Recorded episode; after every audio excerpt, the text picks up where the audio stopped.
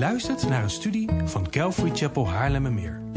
We bidden dat de Heer tot je zal spreken en je zult groeien in jouw persoonlijke relatie met de levende God.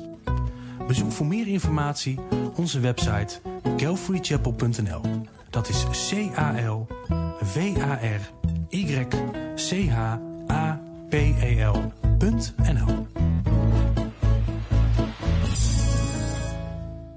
Ehm, vorige week zijn wij begonnen aan een driedelige serie die we tijdens de zomerperiode, of die jullie samen met mij tijdens de zomerperiode gaan doen. En dat gaat over God dienen. En we hebben gekeken naar God dienen in gebed. Vandaag gaan we kijken naar God dienen in geloof. En volgende week gaan we kijken naar God dienen in gehoorzaamheid. En alle drie deze dingen zijn nodig om God te dienen zoals Hij van ons vraagt. Want we vergeten wel eens dat God van ons vraagt als zijn kinderen dat we Hem dienen. We vergeten wel eens dat God meer wil voor ons dan dat we alleen gered zijn. En alleen, dat klinkt denigrerend alsof onze redding niet iets prachtigs is. Maar God wil dat die redding meer doet dan alleen voor ons zijn. Hij wil ons in onze geredde staat gebruiken naar de wereld om ons heen, naar onze broeders en zusters. En daarom mogen wij God dienen. We hebben vorige week gezien dat we God mogen dienen in gebed. En dat gebed, dat dat gebed vol ontzag mag zijn, hoort te zijn. Dat dat gebed als een kind mag zijn. Dat dat gebed afhankelijk en oprecht mag zijn. En dat we God dus in gebed mogen vragen hoe Hij ons wil gebruiken met dienen. Hoe we Hem mogen dienen, juist ook specifiek in gebed.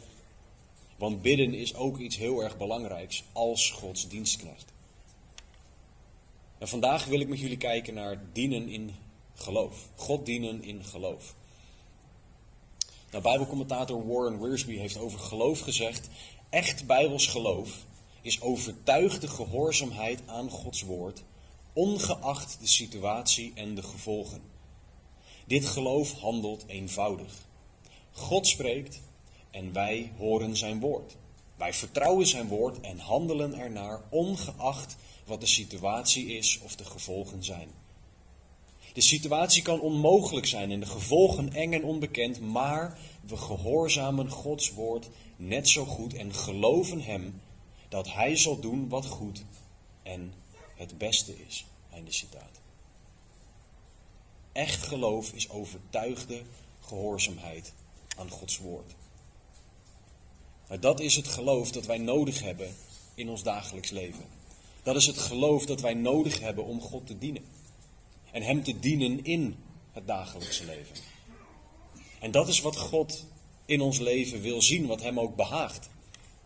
Hebreeën 11, vers 6 zegt niet voor niets, zonder geloof is het echter onmogelijk God te behagen. Want wie tot God komen, moeten geloven dat Hij is en dat Hij beloont wie Hem zoeken. Hebreeën 11, vers 6.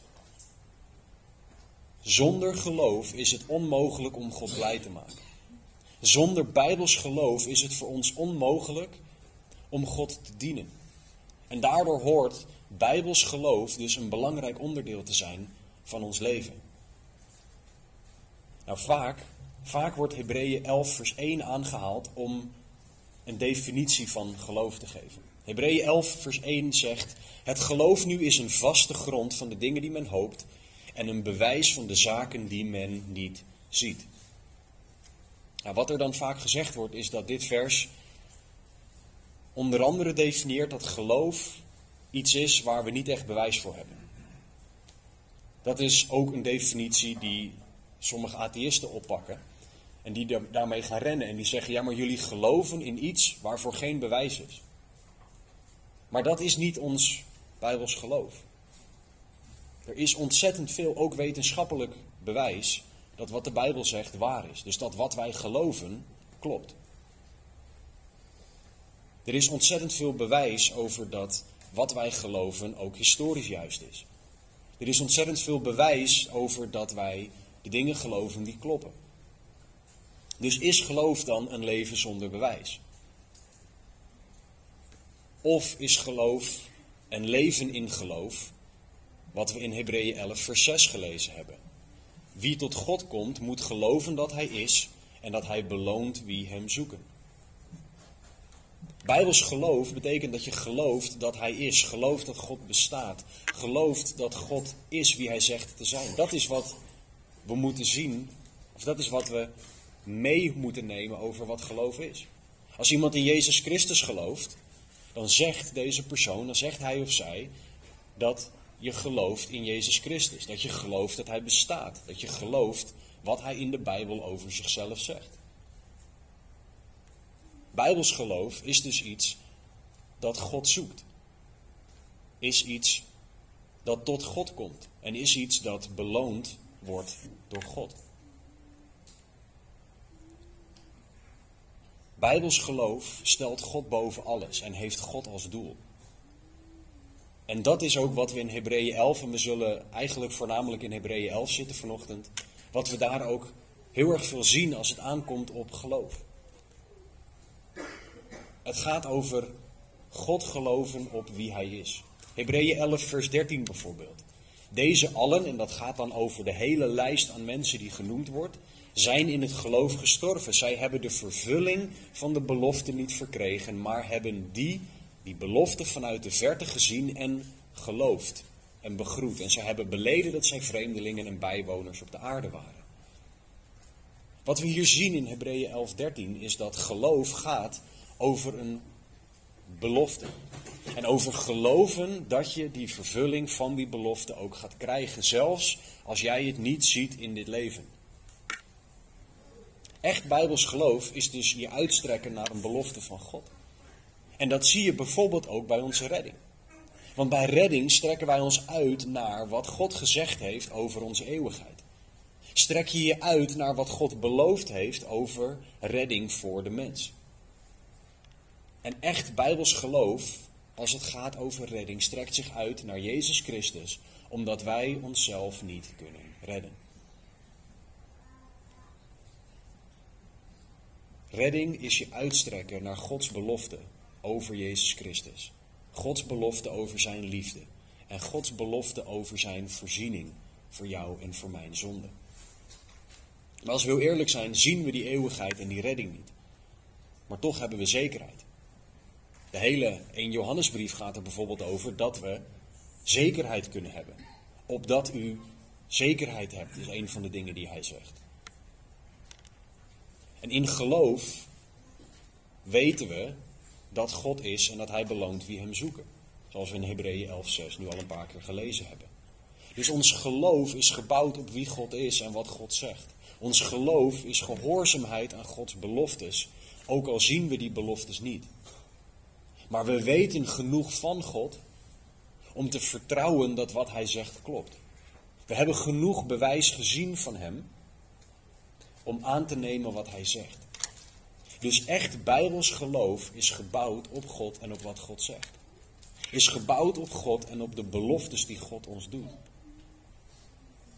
Als je dan in Hebreeën 11 kijkt, wat een prachtig hoofdstuk is, wat in het Engels wel de Hall of Faith genoemd wordt, de, ja, de soort van de helden van het geloof. Al deze mensen vertrouwden op God en vertrouwden op zijn beloftes. En wat mooi is bij een ieder van hen is dat we zien dat zij God vertrouwden, dat zij God geloofden, dat zij vertrouwden op Gods beloftes en dat dat hun aanzette tot een leven van dienstbaarheid. We zien geen van de mensen in Hebreeën 11 God geloven en daarna hun pootjes omhoog doen, achterover zitten in hun luie stoel, tot aan het einde van hun leven en niks meer doen. Ze hadden een actief leven van God dienen. Met vallen en met opstaan, laat dat duidelijk zijn. Want geen van de mensen die daar genoemd wordt is perfect. Maar zij vertrouwden God. Zij vertrouwden zijn beloftes. En dat zette hun aan tot God dienen. En dat is wat we zien als reactie op wanneer God zichzelf openbaart. Want niemand kan geloven tenzij God zichzelf openbaart, weten we uit de Evangelie. Maar de keuze wat jij doet met die openbaring van God, dat is wat we zien in de mensen in Hebreeën 11. En ieder van deze mensen had een openbaring van God gekregen. En in ieder van deze mensen koos ervoor om God te vertrouwen. Om aan te nemen wat God tegen hen gezegd had. En geloof is dus God vertrouwen op zijn woord. Doen wat hij zegt. Omdat dat is wat God gezegd heeft. En dat gaat ongeacht de situatie. En dat gaan we ook nog bij een aantal voorbeelden zien. Bijbelse, Bijbels geloof is een daad van degene die gelooft. Want geloven is niet voor niets een werkwoord. Het is niet passief, maar het is juist gehoorzaamheid aan Gods woord. Waarbij dus dienen het logische gevolg van geloof is. Als wij God willen dienen, zullen we dat uit geloof moeten doen. Zullen we dat met geloof moeten doen. Zullen we dat moeten doen op basis van het feit dat wij God vertrouwen en dat wij aannemen wat Hij zegt. Dat wij het eens zijn met wat Hij zegt, ook als wij vanuit ons vlees iets anders willen of voelen.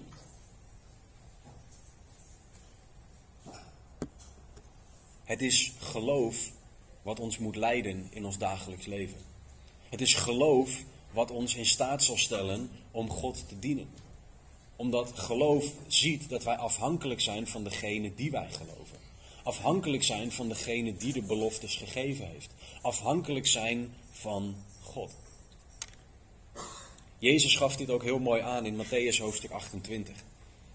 Aan het einde van Jezus' bediening op aarde gaf hij zijn discipelen de grote opdracht mee. En in Matthäus hoofdstuk 28, vers 18 tot en met 20 staat het volgende. Jezus kwam naar hen toe, sprak met hen en zei: Mij is gegeven alle macht in hemel en op aarde. Ga dan heen, onderwijs al de volken, hen dopend in de naam van de Vader en van de Zoon en van de Heilige Geest, hun lerend alles wat ik u geboden heb in acht te nemen. En zie, ik ben met u al de dagen tot de voleinding van de wereld. Amen. Hier in Matthäus 28 geeft Jezus de opdracht mee die ons leven hoort te bepalen. Ga dan heen, vers 19, onderwijs al de volken of maak discipelen van alle volken, hen dopend in de naam van de Vader en van de Zoon en van de Heilige Geest, hun lerend alles wat ik u geboden heb in acht te nemen. Dat is de grote opdracht. Dat is dat we naar alle volken in de wereld moeten gaan. Dat is Gods opdracht. Om hen over Jezus te vertellen. En dat maakt dit een gigantische opdracht. Want dit gaat over, hoeveel zitten we ondertussen? 7 miljard mensen? 7 plus miljard mensen. Die allemaal over de Heer Jezus moeten horen. Maar is het dan ook Gods opdracht dat wij dat allemaal persoonlijk aan al die mensen gaan vertellen? Nee. In geloof mogen we erachter gaan komen wat Gods onderdeel van deze opdracht voor ons is. Maar Jezus zegt iets heel erg belangrijks bij deze opdracht. Hij zegt in vers 18 dat Hem gegeven alle macht in hemel en op aarde is. Hij zegt, mij is gegeven alle macht in hemel en op aarde, vers 19. Nou, ik weet niet of jullie het om je heen zien, maar ik zie het niet op dit moment. Ik zie niet nu met mijn ogen dat Jezus alles onder controle heeft. Want kijk maar naar wat voor een rotzooi de wereld is. Kijk maar naar wat mensen elkaar aandoen. Kijk naar wat de staat van de kerk is tegenwoordig. Welke valse leer er door heel veel kerken heen gaat en die geslikt wordt als zoete koek. Kijk naar zoveel dingen die niet gaan zoals we zien dat het woord het onderwijst. En toch mogen we weten, staat het buiten kijf dat Jezus alle macht in hemel en op aarde gegeven is. Het feit dat hij die macht nu niet laat zien zoals wij het willen, doet niks af aan dit feit. Maar we moeten dit in geloof aannemen. We moeten in geloof aannemen dat dit werkelijkheid is. Dat dit klopt, dat dit is wat de realiteit van de dag is. Ook in onze situatie. Ook in vragen, in pijn, in verdriet, in verlies, in moeite, in vreugde.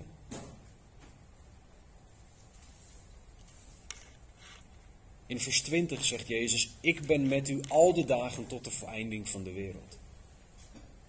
Ook dit is iets dat we moeten geloven. Want opnieuw, ik weet niet hoe het met jullie zit, maar ik zie Jezus niet elke dag naast mij lopen. Ik zie Jezus niet lijfelijk naast mij staan wanneer ik keuzes maak in het leven.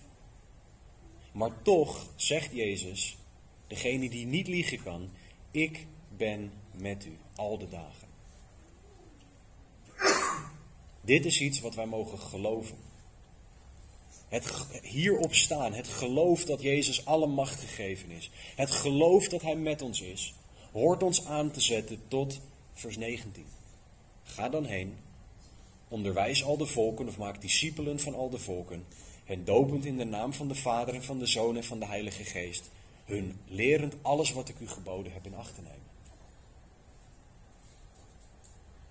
Jezus wil dat onze gehoorzaamheid aan Hem gebouwd is op geloof. Gebouwd is op het geloof dat Hij met ons is, dat Hij alle macht heeft. En wij mogen dan leren om in geloof Hem te vertrouwen wanneer Hij iets zegt. Dus Bijbels geloof vertrouwt op God. Zoekt Hem, neemt Zijn woord voor waar aan, ook als dat misschien niet leuk is. Of ook als we de vervulling niet zien op dit moment. Zoals dat Jezus alle macht in hemel en op aarde gegeven is. Maar Bijbels geloof is een reactie op een belofte van God, op iets dat God gezegd heeft.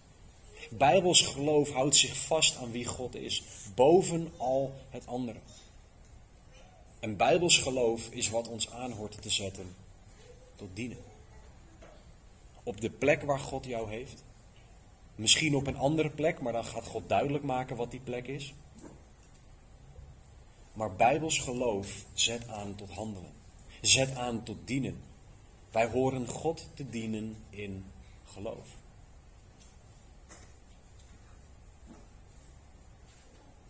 Net zoals dat gebed iets heel praktisch is, is geloof ook iets heel praktisch. Daarom ook Hebreeën hoofdstuk 11. Het is een hoofdstuk vol mensen die hele praktische dingen deden. Die niet theoretisch in een laboratorium of op een universiteit zaten en daar zaten te filosoferen over hoe geweldig het was om in God te geloven. Nee, dit waren mensen wiens geloof een praktische uitwerking had. En wat we zien bij in ieder in Hebreeën 11 is dat God sprak door, tot deze mensen. Dat zij innerlijk bewogen werden door wat God zei. Dat zij God gehoorzaamden. En dat God uiteindelijk getuigt van hun gehoorzaamheid. Maar zij werden innerlijk bewogen, wat betekent dat zij geloofden wat God zei. Zij gehoorzaamden God, wat betekent dat zij geloofden wat God zei. En dat is hoe wij ook horen te zijn. Als we kijken in Hebreeën 11, vers 8, dan zien we daar het voorbeeld van Abraham. En we zien dat God tot Abraham sprak. In Hebreeën 11, vers 8 staat het volgende. Door het geloof is Abraham, toen hij geroepen werd, gehoorzaam geweest om weg te gaan naar de plaats die hij tot een erfdeel ontvangen zou. En hij is weggegaan zonder te weten waar hij komen zou. En vanaf vers 9 gaat het verder over zijn hele verhaal.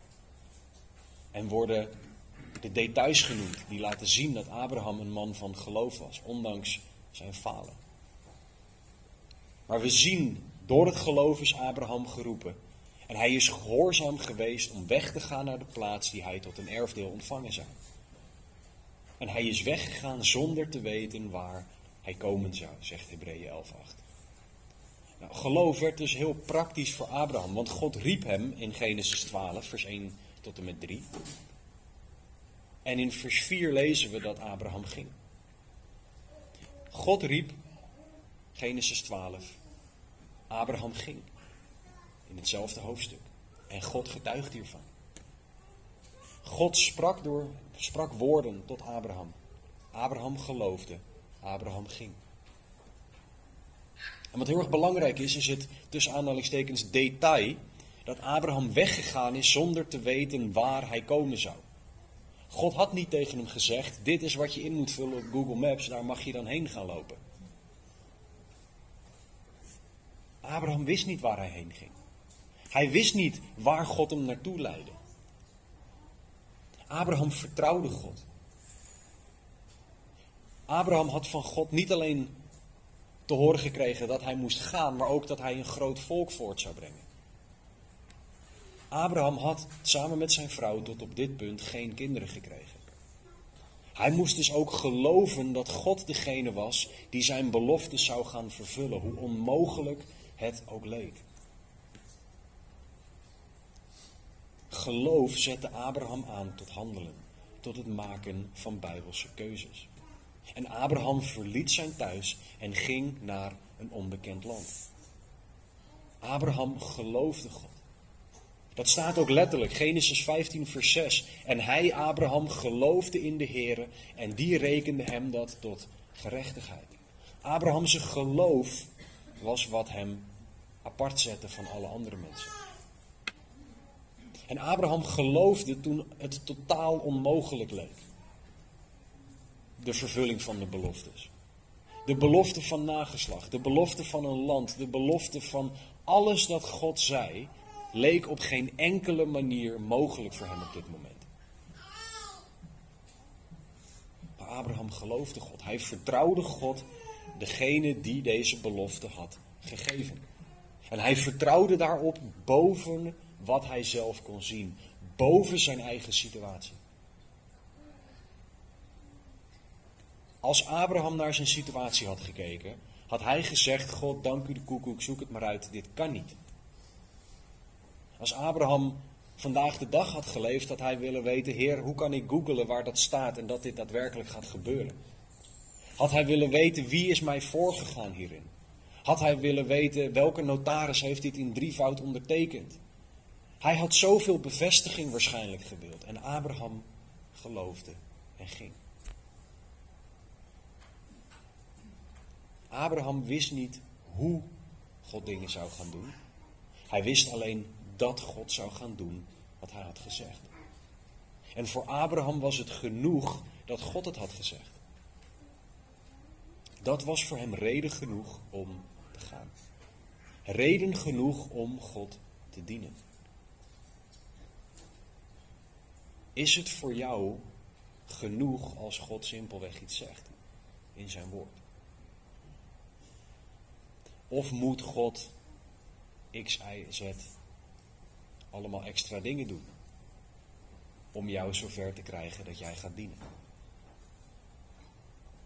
Of dien jij God in geloof, ook al weet je niet hoe het eruit gaat zien, welke kant het op gaat, hoe God überhaupt die belofte gaat vervullen?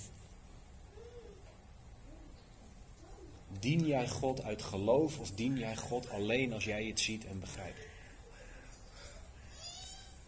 Abraham hoorde God, geloofde God en diende God. En dat is ook wat God voor ons allemaal wil. Dat wij Hem horen of lezen wat er in Zijn woord staat. Dat wij geloven dat wat Hij zegt waar is. En dat dat voor ons de reden is om te doen wat God zegt.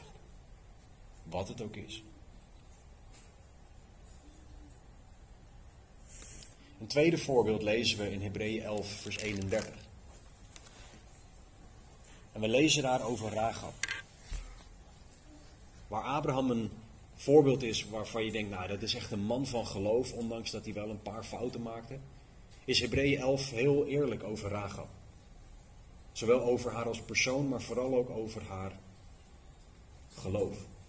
Door het geloof, vers 31, is Rahab de hoer niet omgekomen met de ongehoorzamen, omdat zij de verkenners met vrede had ontvangen. Ik weet niet of je er wel eens bij nagedacht hebt hoe de situatie voor Rahab was. Maar zij was een, een vrouw met een, met, een, ja, met een soort hotel, een, een herberg. Dat was over het algemeen dan ook een plek waar je, nou ja, ze wordt hier een hoer genoemd, waar dat werk uitgevoerd werd. En zij kreeg twee mannen op bezoek. Wat niks geks was, die wilden waarschijnlijk gewoon een slaapplek hebben, want dat kon ook, dat je daar alleen ging slapen. Maar die mannen bleken spionnen te zijn. En op een of andere manier wist zij dat. En wat kwamen die spionnen doen? Nou, die kwamen kijken of en hoe ze die stad konden overnemen. Dus dat was eigenlijk slecht voor Rahab. Slecht voor haar business, slecht voor haar, waarschijnlijk ook voor haar gezondheid. Want mensen lieten over het algemeen niemand in leven als ze een stad veroverden. En het was voor haar dus heel erg logisch om dan te zeggen: Ik wil jullie hier niet hebben. Of om soldaten van de vijand erbij te halen. Of soldaten van, sorry, van Jericho erbij te halen. Maar zij wist, staat er in Jozua 2, dat Israël Jericho van God zou krijgen. Dat wist ze, staat er in Jozua 2. En ze wist, staat er in Jozua 2, vers 10 en 11, dat God groter was. En dat hij Israël zou helpen. En nogmaals, begrijp haar situatie. Een vrouw die specifiek in haar beroep heel kwetsbaar was. Die alle reden had om deze spionnen aan te geven bij de heersers van het land. Die geen enkele reden had, logisch gezien, om te doen wat ze deed. Om deze mannen te beschermen. Om te liegen tegen die soldaten. Om die mannen te beschermen. Ze had geen enkele reden om dat te doen, behalve haar geloof. Behalve dat zij wist dat de God van Israël de echte God was. En dat hij gezegd had dat hij Jericho aan Israël zou geven, dat hele land. En zij geloofde God, zij vertrouwde God op zijn belofte, die zelfs niet eens aan haar, maar aan een ander volk gegeven was. Zij vertrouwde God. En in geloof koos zij voor God. Koos zij om Gods wil te doen. En op geen enkele manier is het logisch wat Rahab deed. Op geen enkele manier is het makkelijk, tussen aanhalingstekens, wat Rahab deed. Deze vrouw was zo sterk in haar geloof. En ze had alleen maar van horen zeggen over God. Maar zij hoorde over God. Zij vertrouwde God. En ze diende God. Zij koos om God te vrezen boven de leiders van haar stad. Die soldaten hadden, die haar letterlijk een kopje kleiner konden maken. Voor Rahab was de situatie dat zij met gevaar voor eigen leven koos om op God te vertrouwen. Om Gods beloftes belangrijker te vinden, waar te zien boven wat de wereld tegen haar zei. Zij heeft een praktisch geloof. Een geloof dat heel duidelijk wordt in haar daden. En ondanks haar beroep is deze Rahab dus een vrouw van geloof en een voorbeeld. Zij is een voorbeeld voor mannen en vrouwen om te zien dat wat je situatie ook is, dat God te vertrouwen is. Dat God ook te gehoorzamen is. En dat als God een belofte doet, dat jij daarop kan staan. Boven wat mensen zeggen of vinden. Jij kan God vertrouwen boven wat mensen zeggen of vinden.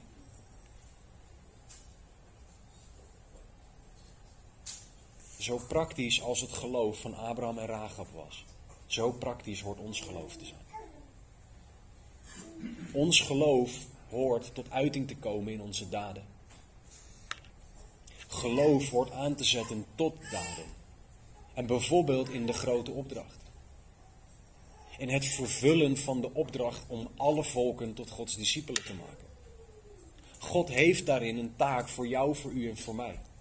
Hij heeft een specifieke roeping voor ons allemaal.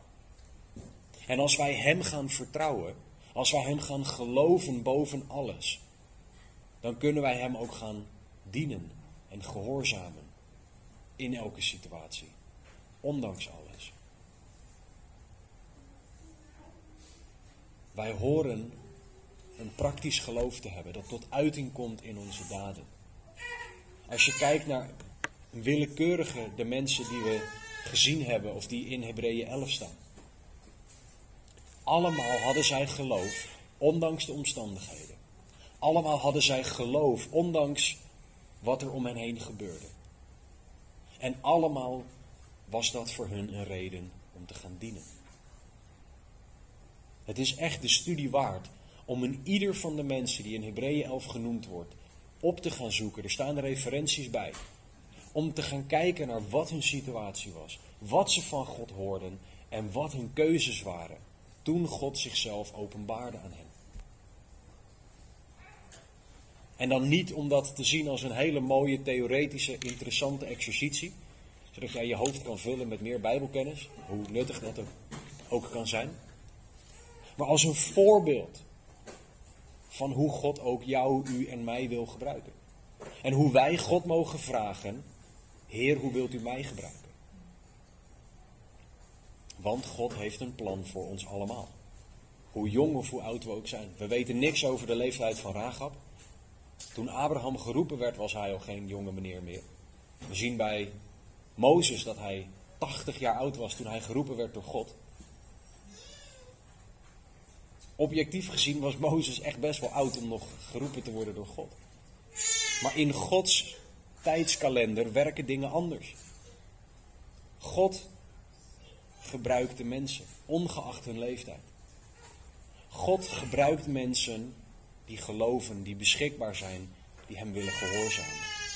Dus de vraag is, geloof jij God? Gehoorzaam jij God, ongeacht je situatie? Of moet je situatie eerst goed zijn, tussen aanhalingstekens, voordat jij kan of wil geloven? Hoeveel bevestiging moet God jou geven voordat jij gaat? Iemand als Rahab had alleen maar van horen zeggen over God.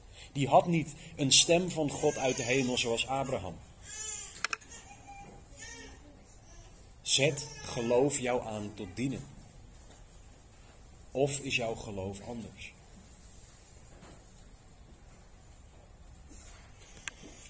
In Hebreeën 11 gaat de schrijver van de Hebreeënbrief verder in vers 32. En we lezen tot en met vers 37. Wat zal ik nog meer zeggen? Want de tijd ontbreekt mij om te vertellen over Gideon, Barak, Simson, Jefta, David en Samuel en de profeten. Zij hebben door het geloof koninkrijken overwonnen, gerechtigheid in praktijk gebracht, belofte verkregen, muilen van leeuwen gesloten. Zij hebben de kracht van het vuur geblust. Zij zijn aan de scherpte van het zwaard ontkomen. Zij hebben in zwakheid kracht ontvangen. Zij zijn machtig geworden in de oorlog. Legers van vreemden hebben zij op de vlucht gejaagd.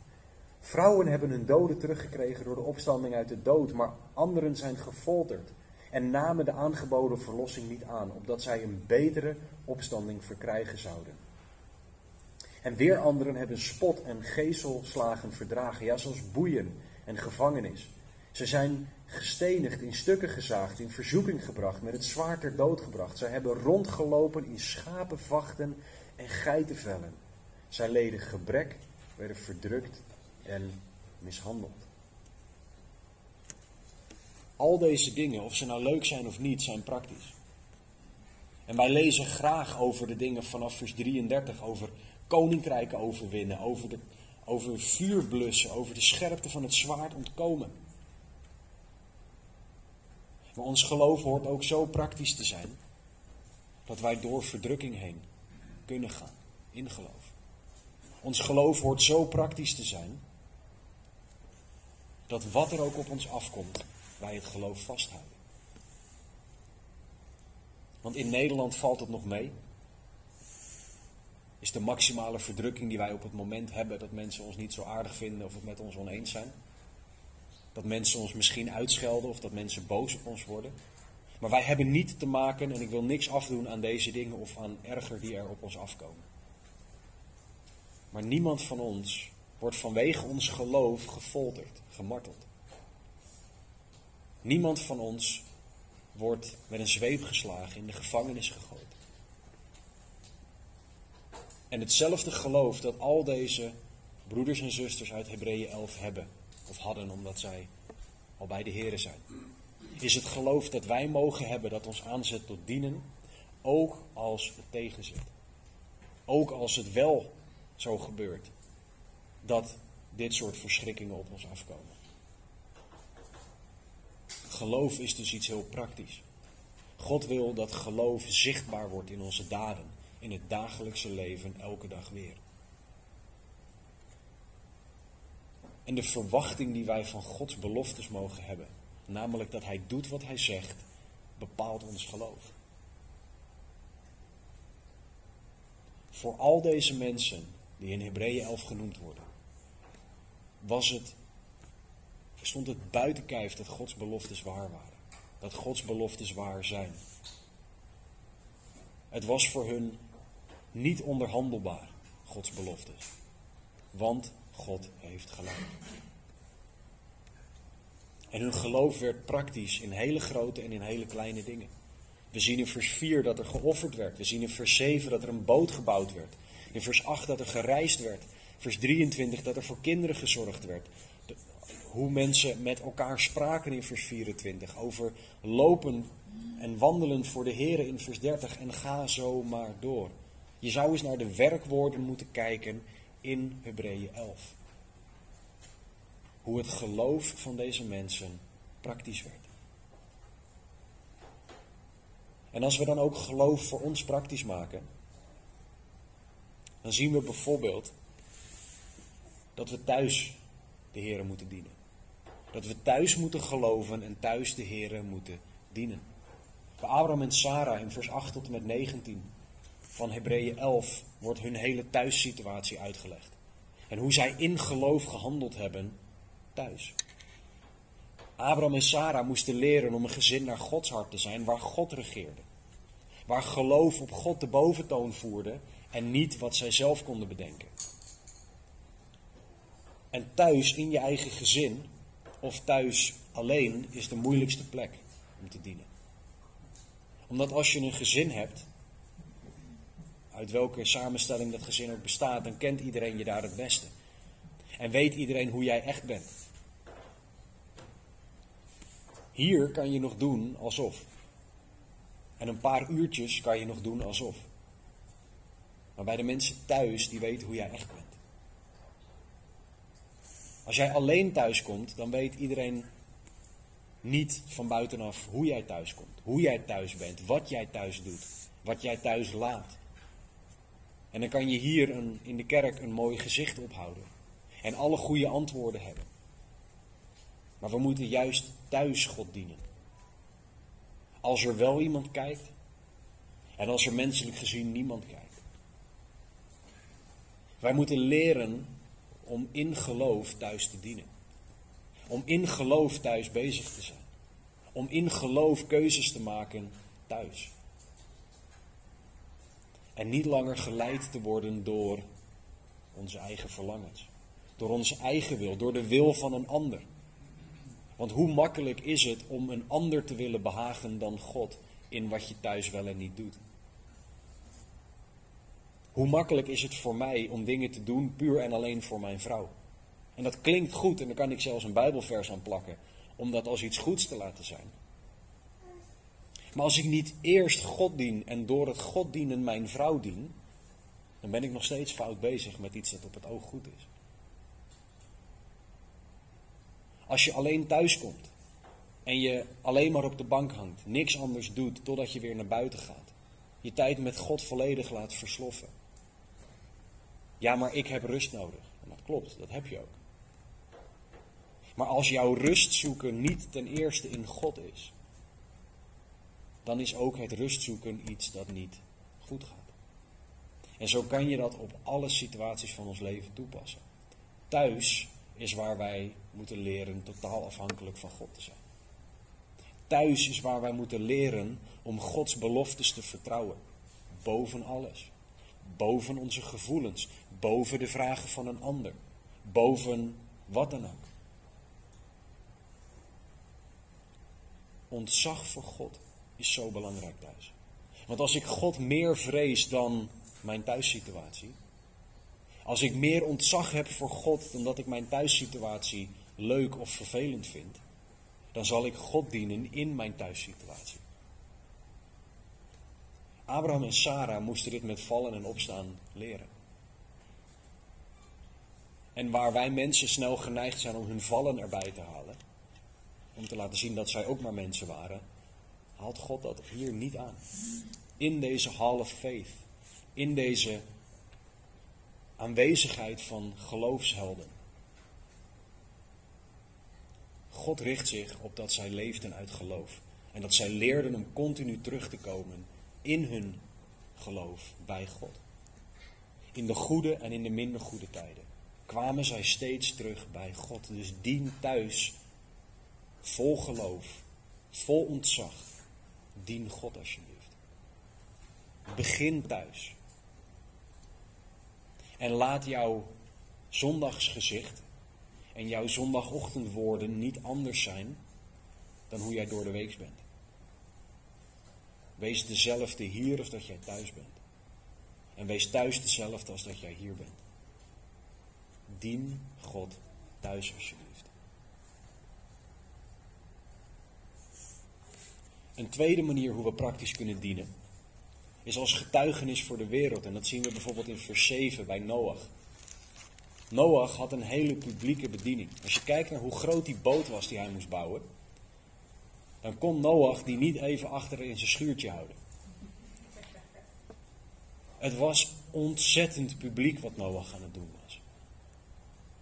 In geloof moest hij een boot bouwen, terwijl dat onbegrijpelijk was. Want we weten dat het nog nooit geregend had op dit moment. Want er kwam water uit de grond omhoog. Er staan omschrijvingen van in Genesis. Waarom zou het nodig zijn om een boot te bouwen als niemand weet wat regen is? Als er geen meren en zeeën waren waar die boot op kon varen op dit moment. Of in ieder geval in de buurt van Noach. Waarom? Zal ongetwijfeld iets zijn wat Noach zich afgevraagd heeft. Maar Noach was niet bezig met: oké, okay, heren, u moet het nu eerst bevestigen. En bij elke vraag die ik van een mens krijg, stop ik. En wacht ik totdat u het opnieuw bevestigt. Nee, Noach ging dienen. Noach diende God. Terwijl het onbegrijpelijk en compleet nutteloos leek. Want er was geen zondvloed toen hij begon aan die boot. En er was geen zondvloed toen hij 50 jaar bezig was met die boot. En er was geen zondvloed toen hij 110 jaar bezig was met die boot. Het is lang om een boot te bouwen. En zo kan het voor ons ook voelen met de grote opdracht, dat hij zo groot en ongrijpbaar is. Hij is zo groot, daarom heet hij ook de grote opdracht. Maar God heeft een hele specifieke opdracht voor jou daarin. Die misschien nutteloos en zinloos lijkt. Die misschien overbodig lijkt. Ja, maar Heer, ik kan alleen deze persoon dienen. Of alleen in deze situatie dienen. Ik heb wel eens een vraag van een, van een moeder gehad. Een thuismoeder. Ja, maar hoe kan ik nou de wereld bereiken? Want ik ben vooral thuis. Wat een prachtig zendingsveld is dat. Wij hebben vaak zo'n beeld bij de grote opdracht van dat je alles moet verkopen en naar de rimboe van weet ik het waar moet gaan. Maar dat is niet wat Gods plan voor een ieder is. We mogen God vragen hoe Hij ons in deze wereld als getuige wil gebruiken. En wij mogen Hem dus vragen hoe Hij wil dat wij in geloof uitstappen. En dat kan thuis in je gezin zijn. Dat kan op je werk zijn. Dat kan naar een van je buren zijn. En het kan zijn dat jij alles moet verkopen en ergens anders heen moet gaan. Maar zijn wij bereid om God die vraag te stellen? Zijn wij bereid om te doen wat wij vanuit ons menselijk denken nutteloos of overbodig vinden? Want voor Noach, hoe gek moet het geweest zijn voor die man om een boot te gaan bouwen? Hoeveel geloofstappen moest Noach wel niet zetten om die boot te bouwen? We weten niet eens of Noach een houtbewerker was. Misschien heeft hij de eerste twintig jaar wel moeten leren hoe hij überhaupt iets moest doen. Hij kon niet even naar de bouwmarkt gaan om al zijn spullen te halen. kijkend naar de tijd waarin Noach leefde, en daar heb ik geen vers voor om te onderbouwen dat dit gebeurde, maar Noach zal waarschijnlijk wel belachelijk gemaakt zijn. Door mensen die God zo afwezen, kan het bijna niet anders, maar nogmaals, ik heb geen direct vers om dit te zeggen.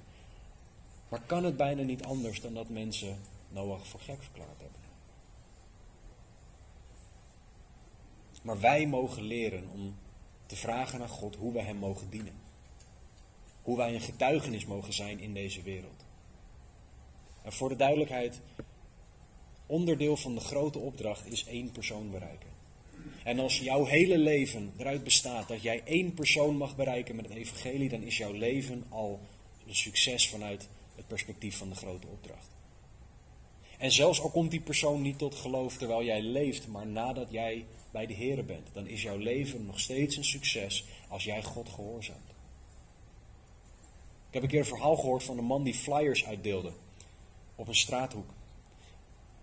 En dat waren hele bijbelgetrouwe flyers. En hij bad echt voor iedereen aan wie hij die flyer gaf. En hij heeft duizenden van die flyers uitgedeeld. En niemand, naar zijn weten, was ooit tot geloof gekomen. Alleen een tijd nadat hij was komen te overlijden, vroegen mensen zich af waar hij was. En waren er een aantal mensen die die flyer hadden genomen en die waren tot geloof gekomen. Door de informatie op die flyer. Alleen ze konden hem niet meer vinden. En op een of andere manier kwamen ze langzamerhand in contact met meer mensen die tot geloof waren gekomen. Doordat die man trouw die flyers uitdeelde. En er bleken honderden mensen tot geloof gekomen te zijn doordat hij trouw een flyer uitdeelde. En hij zelf nooit gezien heeft wat het effect van het uitdelen van die flyers was. Zijn wij bereid om God te dienen? Ook als het nutteloos lijkt. Als het zinloos lijkt. Als het niet is wat wij verwachten. Zijn wij bereid om God te dienen in geloof?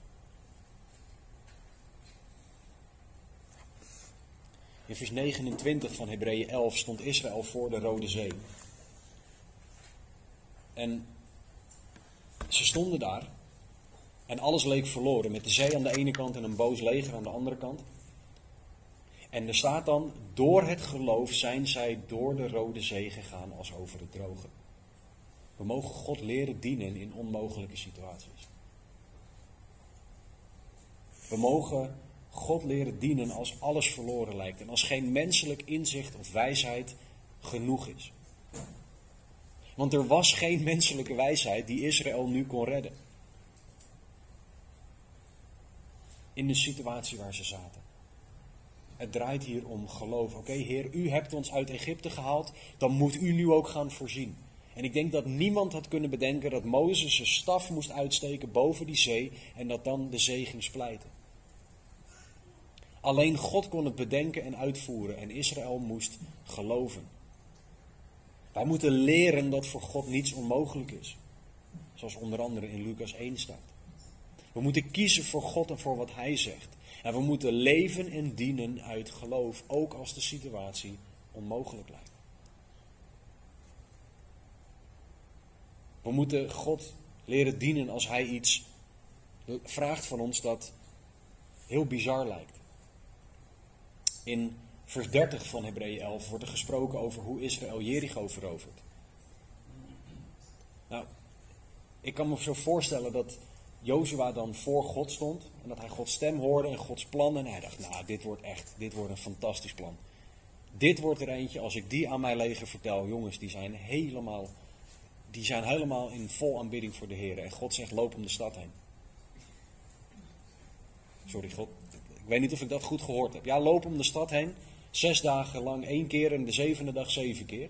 In stilte en op, aan het einde van de dag, op dag zeven, moet je heel hard roepen. En wordt er op de trompetten geblazen. En dan, daarna, vallen de muren in. Storten de muren in. Het staat allemaal uitgelegd in Jozua 6, maar om dikke muren heen lopen lijkt volslagen nutteloos en compleet bizar. En ik denk ook dat, ik kan dat niet hard maken, maar dat de generaals van Israël toen die dit van Jozua hoorden, dat die echt wel gevraagd zullen hebben. Weet je het zeker? Heb je dat echt van God gehoord? Israël moest leren dienen in geloof. Ook toen het bizar, nutteloos en onmogelijk leek wat God vroeg. Want wetenschap, proberen, ze proberen wetenschappelijke verklaringen te verzinnen voor waarom de muren van Jericho instortten. Ja, doordat ze precies op de goede plekken liepen, waren de trillingen van de grond. En nee, helemaal niet. God zei dat ze het moesten doen en de muren stortten in. Nadat zij in geloof gehoorzaamden. Dat is het. En wij mogen leren gehoorzamen in geloof. Gods wegen zijn hoger dan die van ons. En hij heeft plannen die wij niet snappen of begrijpen. Wij mogen leven uit geloof. En als laatste, mogen we God dienen door mensen te dienen, in geloof. Want het voorbeeld van Ragab, wat we al aangehaald hebben uit vers 31.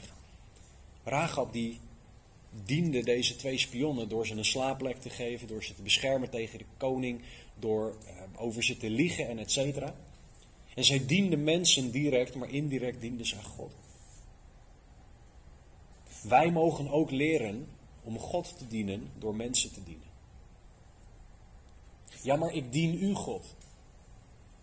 Nou, onder andere de elkaar-versen laten zien dat God wil dat we Hem dienen door elkaar te dienen. Door deze wereld te dienen. Rahab luisterde naar Gods leiding en wist daardoor wie ze moest dienen.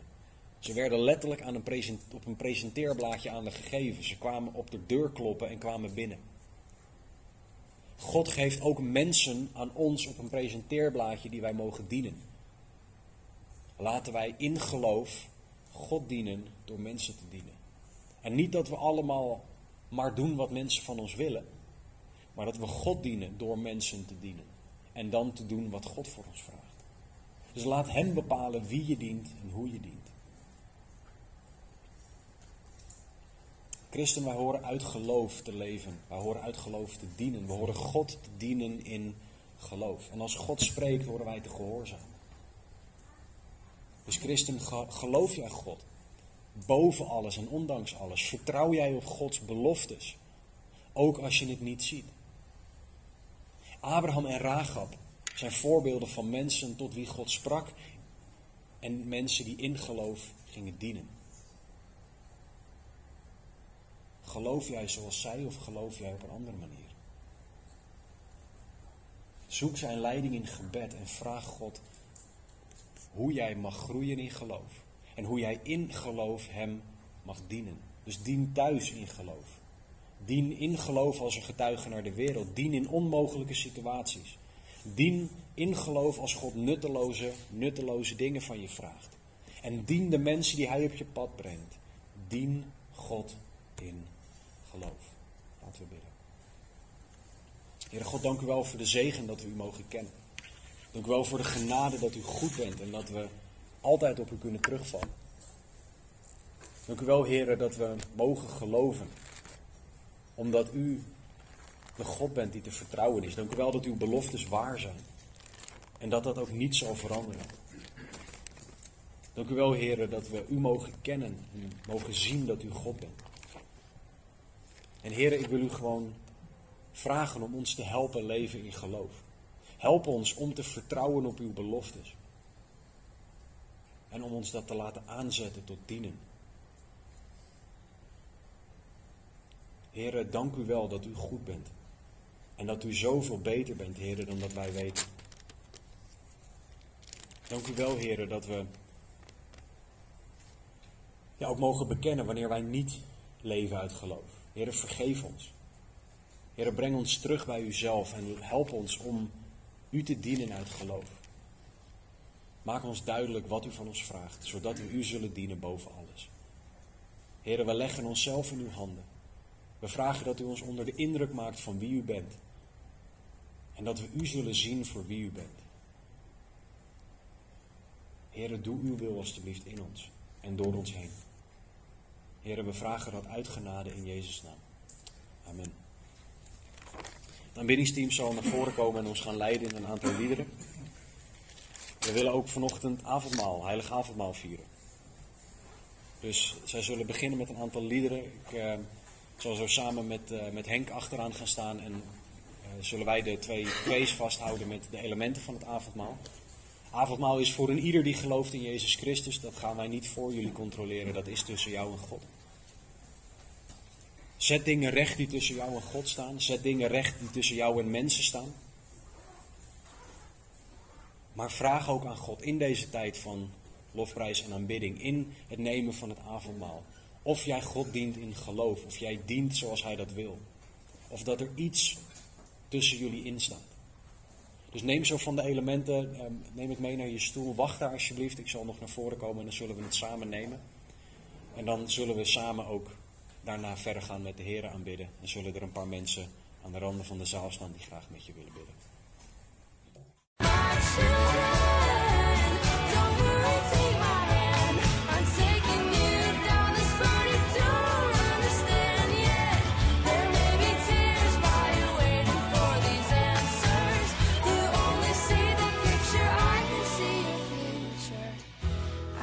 Tell you right now, it's gonna be alright.